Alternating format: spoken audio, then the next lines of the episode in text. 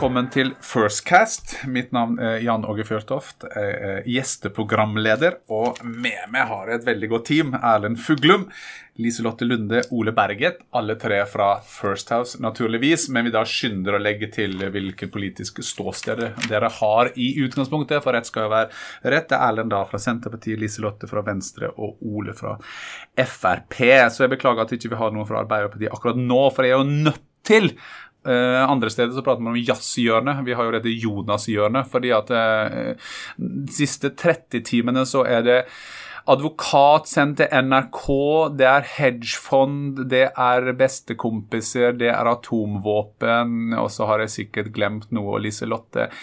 Hva er det som skjer i teamet rundt Jonas Gahr Støre?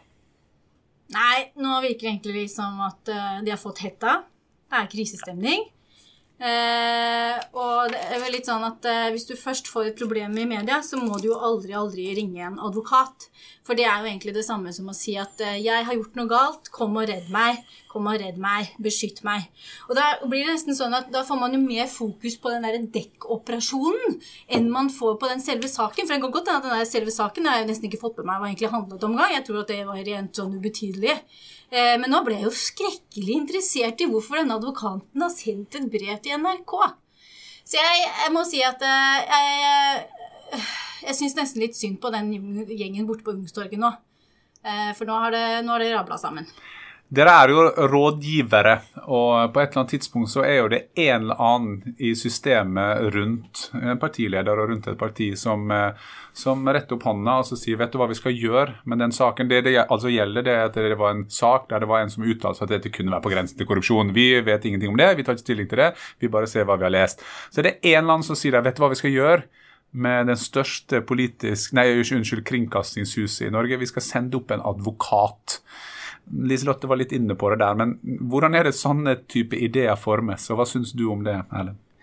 Nei, Ideene formes jo fordi du er på jakt etter eh, Du er nesten litt sånn på desperat jakt etter hvordan kan vi stoppe denne saka. Det er jo det som skjer. Nå tror jeg vi skal skjønne på ene sida at eh, Jonas og Arbeiderpartiet har stått i en lang rekke ekstremt krevende saker som knyttes til Jonas som person. Eh, jeg mener jo mange av dem er litt sånn urettmessig med tanke på innholdet, men problemet er at det etterlatte inntrykket er veldig skadelig for Arbeiderpartiet.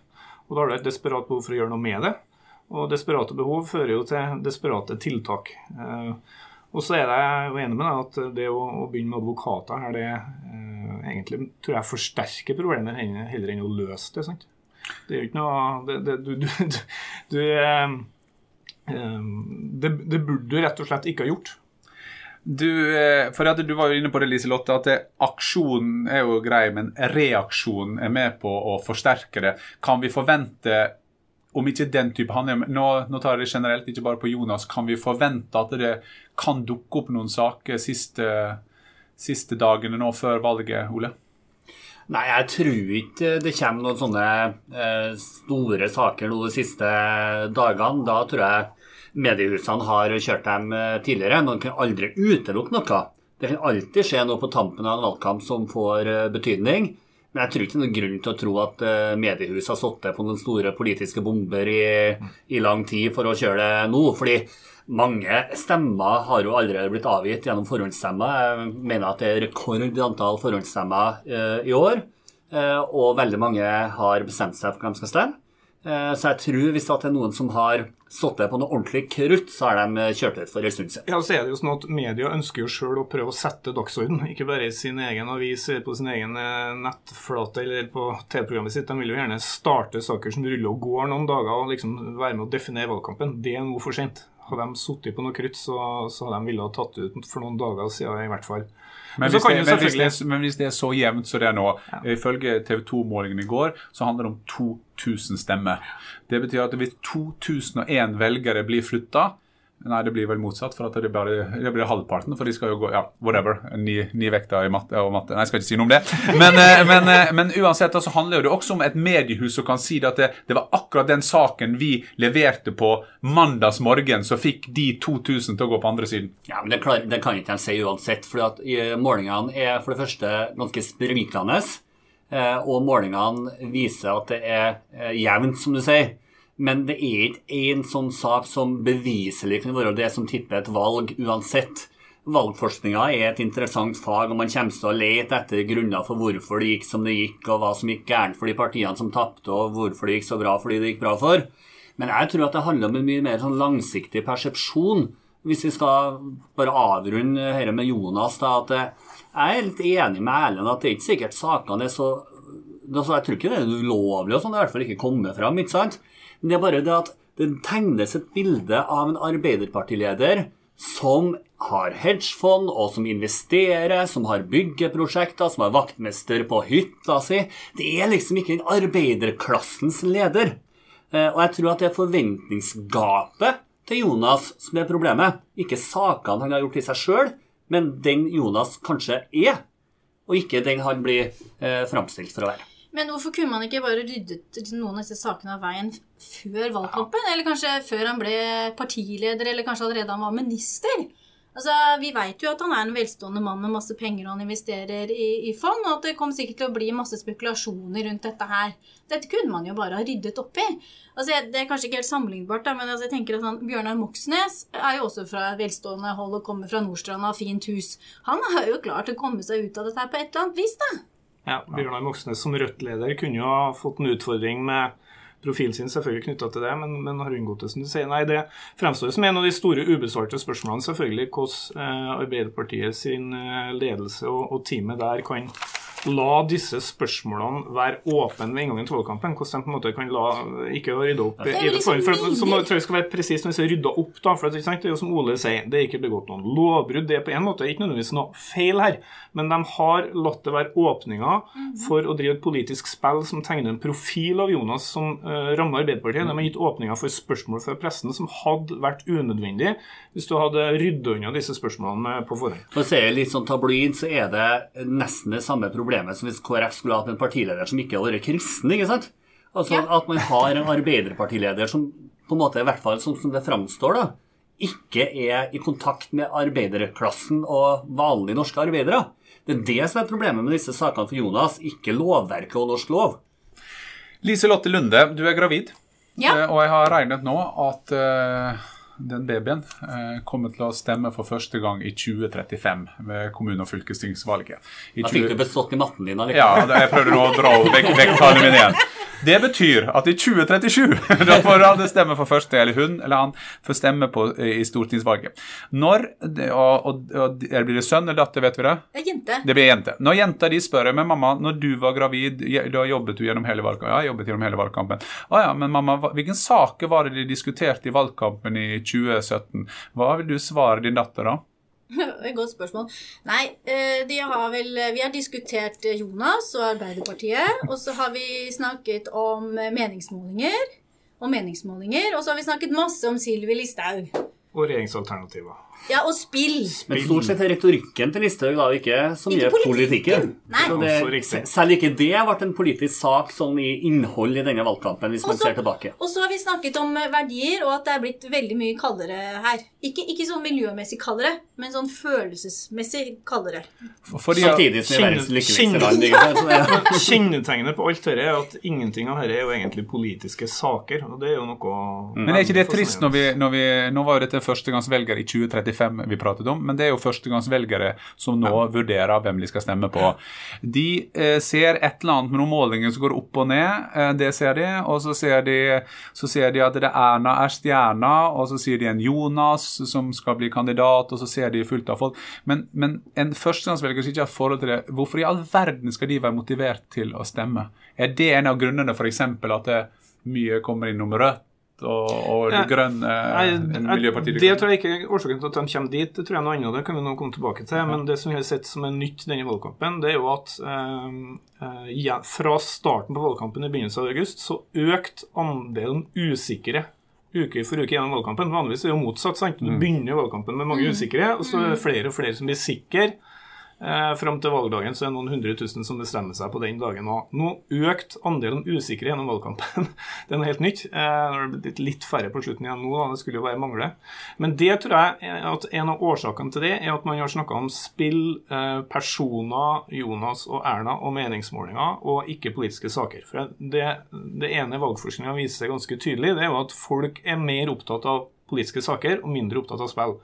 Men sånne som oss, er ekstremt opptatt av spill. Eh, og media er jo helt utrolig opptatt av det. De skriver jo bare om meningsmålinger. Men hvorfor eh, brukte da eh, KrF-leder Knut Arild Hareide sin lille andel av de 45 minuttene på TV 2s partilederdebatt i, dag, i går og prate om spillet? Og det er ikke sikkert det var motivet for det, men han hørtes ut som at det var kun det han var opptatt av. Hva, hva er det som gjør det? Jeg tror det var en strategisk bommert. Eh, og så tror jeg at beveggrunnen for å gjøre det var at KrF tror at de nå har en del usikre borgerlige velgere som lurer på hvis jeg stemmer på Knut Arild Hareide og KrF, får jeg da eh, Jonas eller får jeg Erna? Og så tror jeg at Knut Arild hadde et behov for å tydeliggjøre det, så sier han egentlig ikke så mye nytt. Men så egentlig eh, ingenting nytt, altså. Nei, bortsett fra at han, han Og det prøvde han å si, det òg. At ja, jeg sier jo ikke noe nytt. Men han, han, hadde, han, hadde, et behov, tror jeg, for å markere overfor de borgerlige kristne velgerne at du får Erna, eller Erna uansett hvem stemmer til KrF.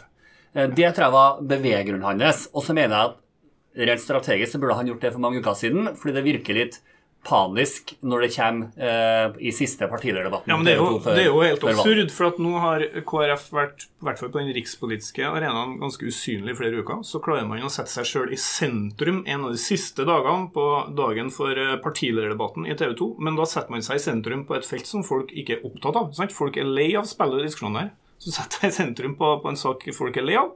Eh, og så fikk han jo plass i partilederdebatten, men den eh, plassen brukte han jo eh, ganske dårlig. Klarer jo ikke å fremføre et helhetlig resonnement. I hvert fall ikke sånn så det var forståelig, da. Og, og, og, og, et poeng til. altså I begynnelsen av valgkampen så setter to trøndere seg på en bondegård, Borten Moe og Hofstad Helland, diskuterer verdi.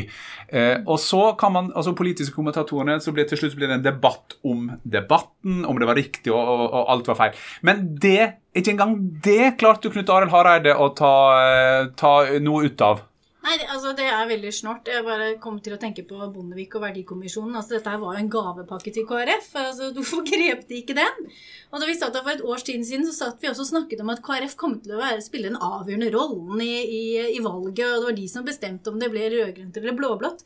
Og jeg fullstendig liksom eh, bomma på mål da, når det kommer til, eh, til eh, å, å profilere seg selv og partiet.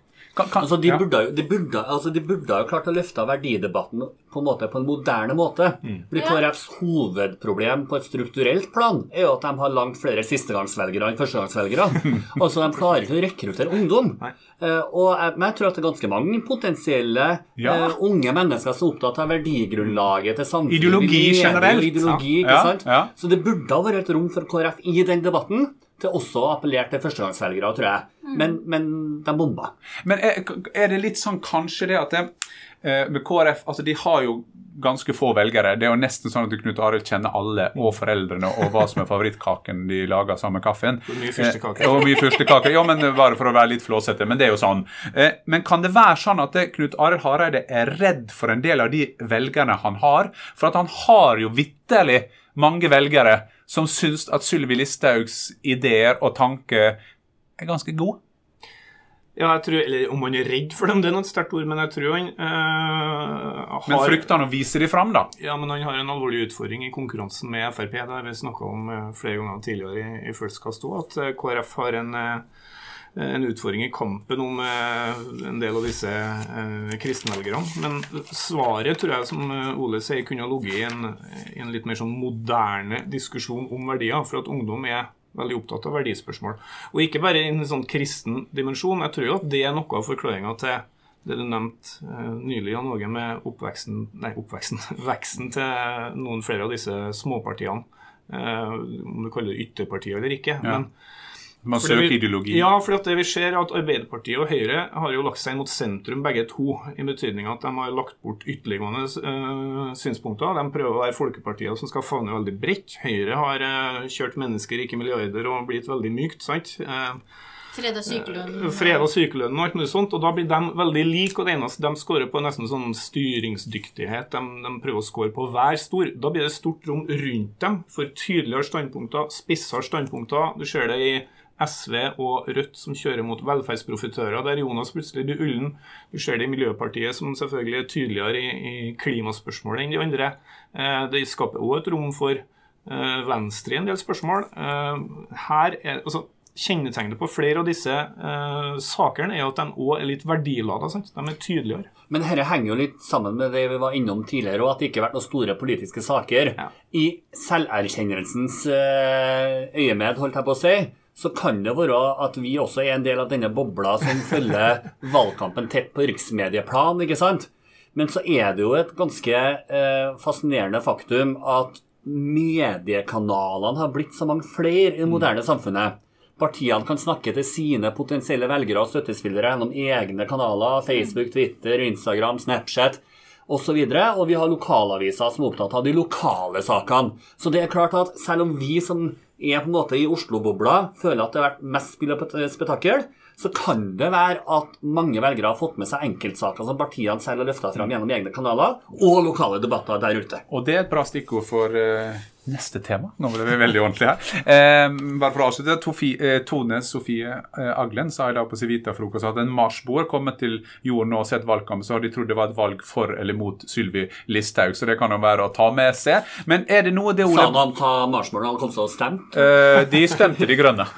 Selvsagt. Naturligvis. Eh, eh, men la vi gå videre for å ta det temaet som du er inne på der, Ole. For at det, De politiske kommentatorene, dere kaller det boblen. Dere er jo en del av boblen. Dette er jo samme som en fotballboble. Jo, men vi er jo alle ja. inne i en sånn boble, spesielt når vi bor i, i, i, i Oslo. Så, så, sånn er jo det egentlig bare. Men for eksempel, la vi ta forsvarssaken.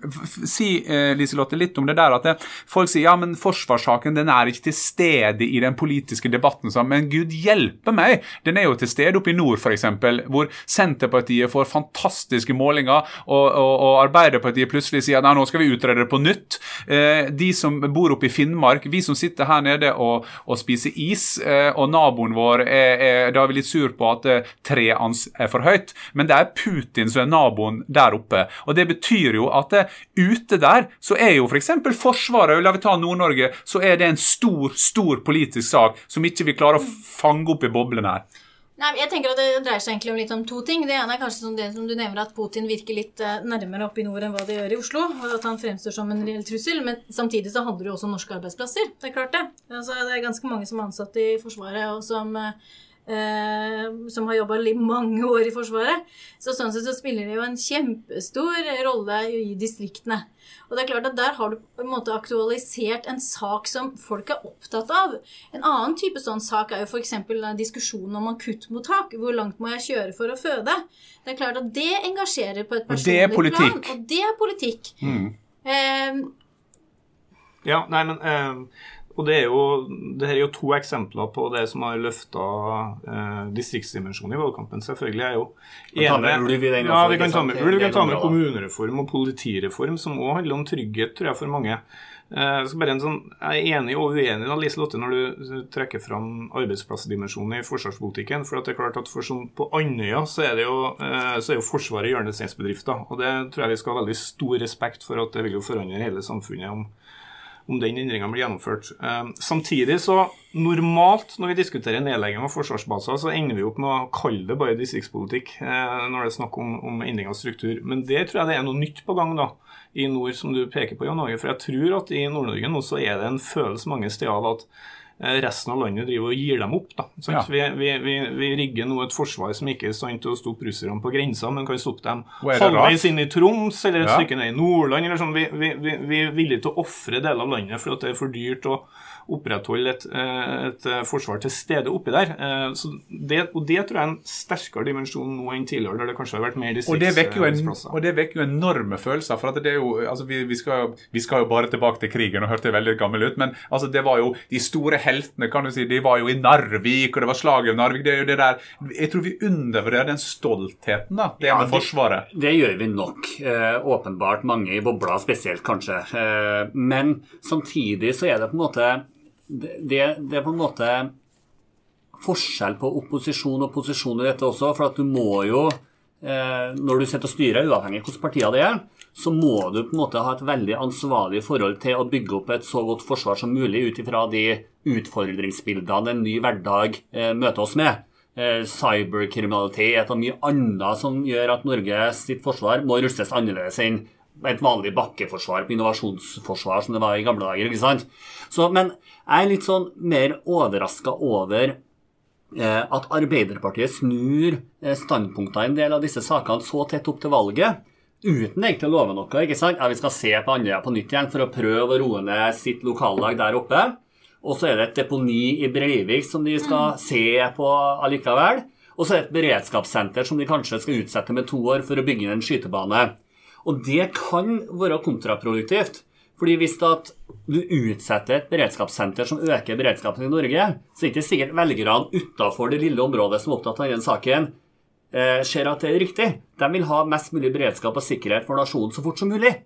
Så, så det, er, det, er, litt sånn typisk innspurten av valgkampen. De partiene som sliter litt, eller føler at de sliter litt, de føler at de må komme på offensiven og så kan det slå, eh, slå, tilbake i stedet. Og så er det interessant bare å merke seg litt uavhengig av eh, Her er det mange ulike saker, men det vi ser er da ikke sant at eh, lokalt diskuterer de altså i større grad kanskje politiske saker ja. enn spillet. For at alt her er jo reell politikk og substans og faktiske ting som betyr noe for folk. Ja, og så, ser du alle undersøkelser viser også på ungdommen det de er minst interessert er jo spillet. Så mm. det, så det, var utgangspunktet for hvordan vi skulle få med førstegangsvelgeren. Hadde vi vært en statskanal nå, så har vi laga et humorinnslag og sagt at nå går vi over en ny del av programmet. For til slutt, eh, det er fredag eh, i pratende stund. Eh, det er altså like før valget, og da må vi kunne oppsummere litt valgkampen. Og så bør ikke dere legge inn forutsetninger at det er først på mandag vi får se hvem som er best. Så lett slipper ikke dere unna. Hvem var best i valgkampen? Liselotte? Siv! Siv Jensen. Hvorfor det? Nei, vet du hva. Eh, når jeg ser på disse partilederdebattene, så tenker jeg som så at eh, i gamle dager, eller i hvert fall for noen år siden, så var Jens best. Helt uten tvil, egentlig. Eh, og så nå så syns jeg faktisk at det er Siv som gjør det best. Eh, er, det er lett å skjønne hva hun sier. Eh, hun er veldig tydelig, og så klarer hun faktisk også å ha litt, sånn, litt smil, litt sjarm, litt glimt i øyet iblant. Eh, og samtidig så skal hun jo da tåle å stå i, i si, alt bråket med Sylvi Listhaug oppi dette her, da. Og det er jo ikke hvem som helst partileder som klarer det. Men det syns jeg også hun har kommet seg sånn OK ut av. Har hun også klart det bra, hvis man kan si det at Sylvi Listhaug ikke bare er bra, men at hun står med et sverd klart bak også, så hun må hele tida se hva som er bak seg også?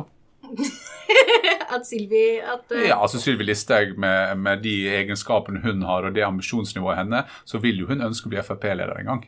Jo men det tror jeg Men føler du at eh, spørsmålet var egentlig har Siv, Klarer hun det også, å balansere det også godt? Ja, det virker sånn. At, hun, at dette takler hun helt fint og tenker at uh, hun ser at uh, Silvi drar en del velgere for Frp nå. Vi må jo ikke undervurdere det. Ja, ja. Og det er jo det som kanskje har vært litt tabben til Jonas, er jo at uh, han har kjørt så hardt på mot Silvi og har dratt opp innvandring og integreringssaken, jo som er en sak som hans velgere er veldig opptatt av. Og ikke i den forstand at den skal være veldig liberal og bare komme kom til dette landet. her. De vil jo gjerne ha en streng innvandringspolitikk. Så når han driver og skyter på Silvi, så skyter han jo også på en del av sine egne velgere og sender dem rett over på fanget hennes. Men det var ikke det vi skulle diskutere nå. Nei, Nei nei men, du, men, du, hadde Siv Jensen som vinner. Erlend? Nei, jeg vil jo si at Sylvi Listhaug faktisk er den som har vunnet valgkampen. Det er, ikke, det er ikke en partileder. Jo, fordi hun har uh, lyktes så til de grader uh, med å sette seg sjøl i sentrum og sette sitt felt i sentrum diskusjon har gått på retorikk og mye forskjellig sånn, men, men, det jeg tror folk må forstå, at eh, i en valgkamp så handler det eh, veldig sjelden om å vinne eierskap til en sak. Det handler veldig ofte om å få valgkampen til å handle om de sakene du allerede har eierskap på. Det er liksom noe av det aller største og viktigste ja. oppgaven en politiker møter i en valgkamp. Hvordan skal jeg få valgkampen til å handle om meg og mine saker? Eh, og der, eh, Du nevnte marsboere her. Eh, altså, jeg, det, tror ikke bare marsboerne som vil si at store deler av valgkampen har handla om Sylvi Listhaug. Så jeg mener hun har jo nok en gang bare utvist en helt enorm evne til å sette dagsorden, ta plass og få ting til å handle om det hun vil det skal handle om. Da har en eh, med, ei med bakgrunn fra Venstre og en med bakgrunn fra Senterpartiet kåra da sent, uh, Siv Jensen og Sylvi Listhaug som de vinnere. Da er jeg veldig spent på hvem Ole Berget fra Frp vil si. er det nå du vil gå ut? nei, jeg håper Liverpool vinner mot City i morgen, i hvert fall. Men det er noe, en annen sak, kanskje. Men, men, nei, men altså, basert på forutsetningene, hva mener du er verdt en altså, jeg er jo litt enig i analysen til Lise Lotte og, og Erlend. Og det er, jo, det er jo Frp har gjort en god valgkamp, og Siv har leda det laget. og sluppet til mange gode statsråder.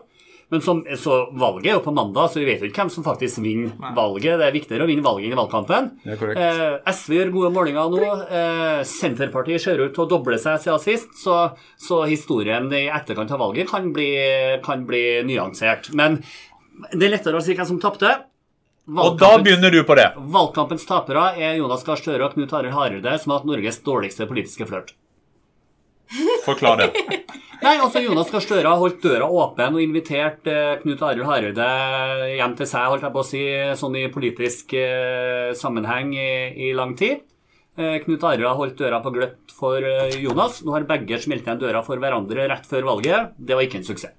Selv om partnerskapsloven er innført. Eh, Erlend, hvem er taperne? Nei, jeg vil først og fremst faktisk peke på Knut Arild. Det er klart at Jonas har slitt gjennom hele valgkampen. Eh, fra første dag så har valgkampen i stor grad handla om at Jonas har slitt. Nå er det samtidig sånn at skulle han likevel bli statsminister, så tror jeg mye av det blir glemt. Det vil ikke bli en suksessvalgkamp for det, men da tror jeg mye av det blir glemt og tilgitt og alt sånt. Det kan fortsatt skje. Eh, Men jeg synes eh, Knut Arild Hareide eh, har vært både usynlig, og den lille oppmerksomheten han har klart å få, den har han ikke lyktes å, kapitalisere på i, i hele tatt. Eh, Så, eh, men nok en gang, altså valget, han kan jo gjøre et anstendig valg for det, det vet vi ikke. Men, men, men, eh, men Ellen, før vi går videre, bare til, liksom, til du må være forberedt på the loser.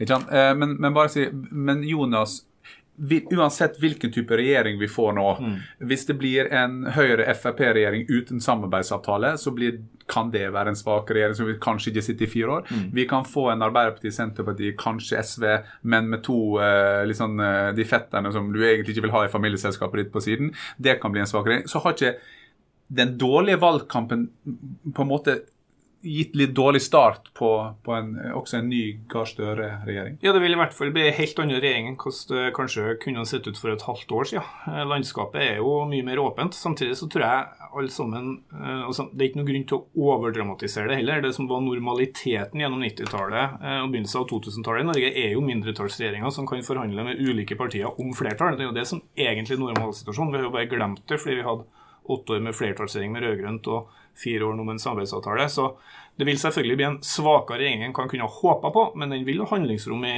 i Stortinget. Og Det kan vel godt hende om noen år når vi googler ordet samarbeidsavtale, så er det ikke sikkert det finnes mer i det norske vokabularet. Men, men vi går på taperen, Liselotte, hvem er det du føler har vært Nei, altså, det er, det er egentlig Jonas, det, mener jeg. Så det er ikke noe, noe annet enn det Ole og, Erlend har løfta fram her. Men da skal du få lov, for helt til slutt, før vi avslutter Nå tar jeg på meg brillene for de som, som ikke ser. Det er jo noen som gjør. Vi skal inn på de tre største partiene. Eh, Vi sier det at eh, det er ingen politiske saker. Det handler om personer.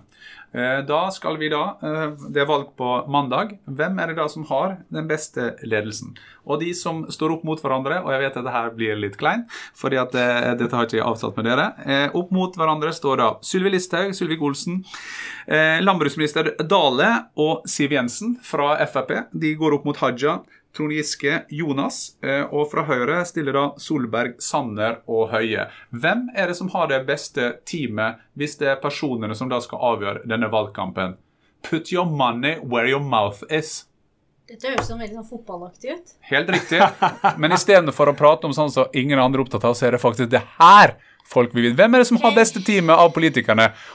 Og så da ser vi helhet, og vi ser ikke bare hva de politiske kommentatorene som sitter sammen og drikker på Lorry. Nå, hvem er det som har det beste teamet som kan vinne et valg? Jeg kan ta det først. Jeg men eh, Av de tre lagene du satte opp der, de som er best egnet til å vinne valg, er Frp-gjengen. De eh, som er best egnet til å styre landet, er nok fortsatt Arbeiderparti-gjengen. Av de tre. Ja, ja, det er fair, det er fair, jo, men Nei, også Hvis jeg skal ta en fotballmetafor, så mener jeg at uh, FrPs eh, lagoppstilling der er, er komplementær. Når forskjellige målgrupper snakker på forskjellige måter, på forskjellige temaer, eh, og er det beste laget der. Og så er det eh, viktig for meg å understreke at både ledelsen i Arbeiderpartiet og Høyre og Senterpartiet og Venstre er dyktige politikere som, som kan styre et land. Så uansett hvordan valget går, så skal vi sove godt om natta. Ja, men du mener at de andre er ikke så komplementære, de trioene i ledelsen? Jeg mener at FrPs eh, ledelse er mer sammensatt, komplementær og når et bredere spekter som et helt lag. Lisette? Hva var det siste alternativet ditt? Var det Solberg? Det er Solberg, Sander Høie tok jeg ta på meg her. Hvorfor skal ikke de gjøre det bra, da? Nei, ja, det, det jeg spør dere. Jeg var, Altså, ja, De har klart det bra i fire år, så hvorfor ikke de skal klare det fire år til? Det er jo ingen grunn til at det skal gå dårlig. Jeg er helt enig. Poenget mitt var bare at, også, at kanskje, kanskje, Arbeiderpartiets politikere og, og, Høyres politikere i ledertrioen er litt for lik hverandre i profil. Altså, De er veldig dyktige alle sammen, men at Frp har et bredere spekter. Men jeg tror de er mer enige internt i Høyres ledelse enn de er i Arbeiderpartiets ledelse. Det er jo det som kanskje er litt vanskelig. La det være siste ord fra dere. Det er valg på mandag. Vi kan ikke si hva dere skal stemme på, men hva heter det? Men i hvert fall stem. Eh, vi har vært i studio med Erlend Fuglum, Liselotte Lunde og Ole Berge. Mitt navn er Jan Åge Fjørtoft, og jeg vil bare si helt til slutt at når dere ser våre toppolitikere stå på partilederdebatten i går med alt det presset de har rundt seg, skal kjegle, kakle med alle saker i verden, de gjør faktisk en fantastisk innsats, alle ni. og vi være glad at vi har den type politiker i landet vårt som heter Norge.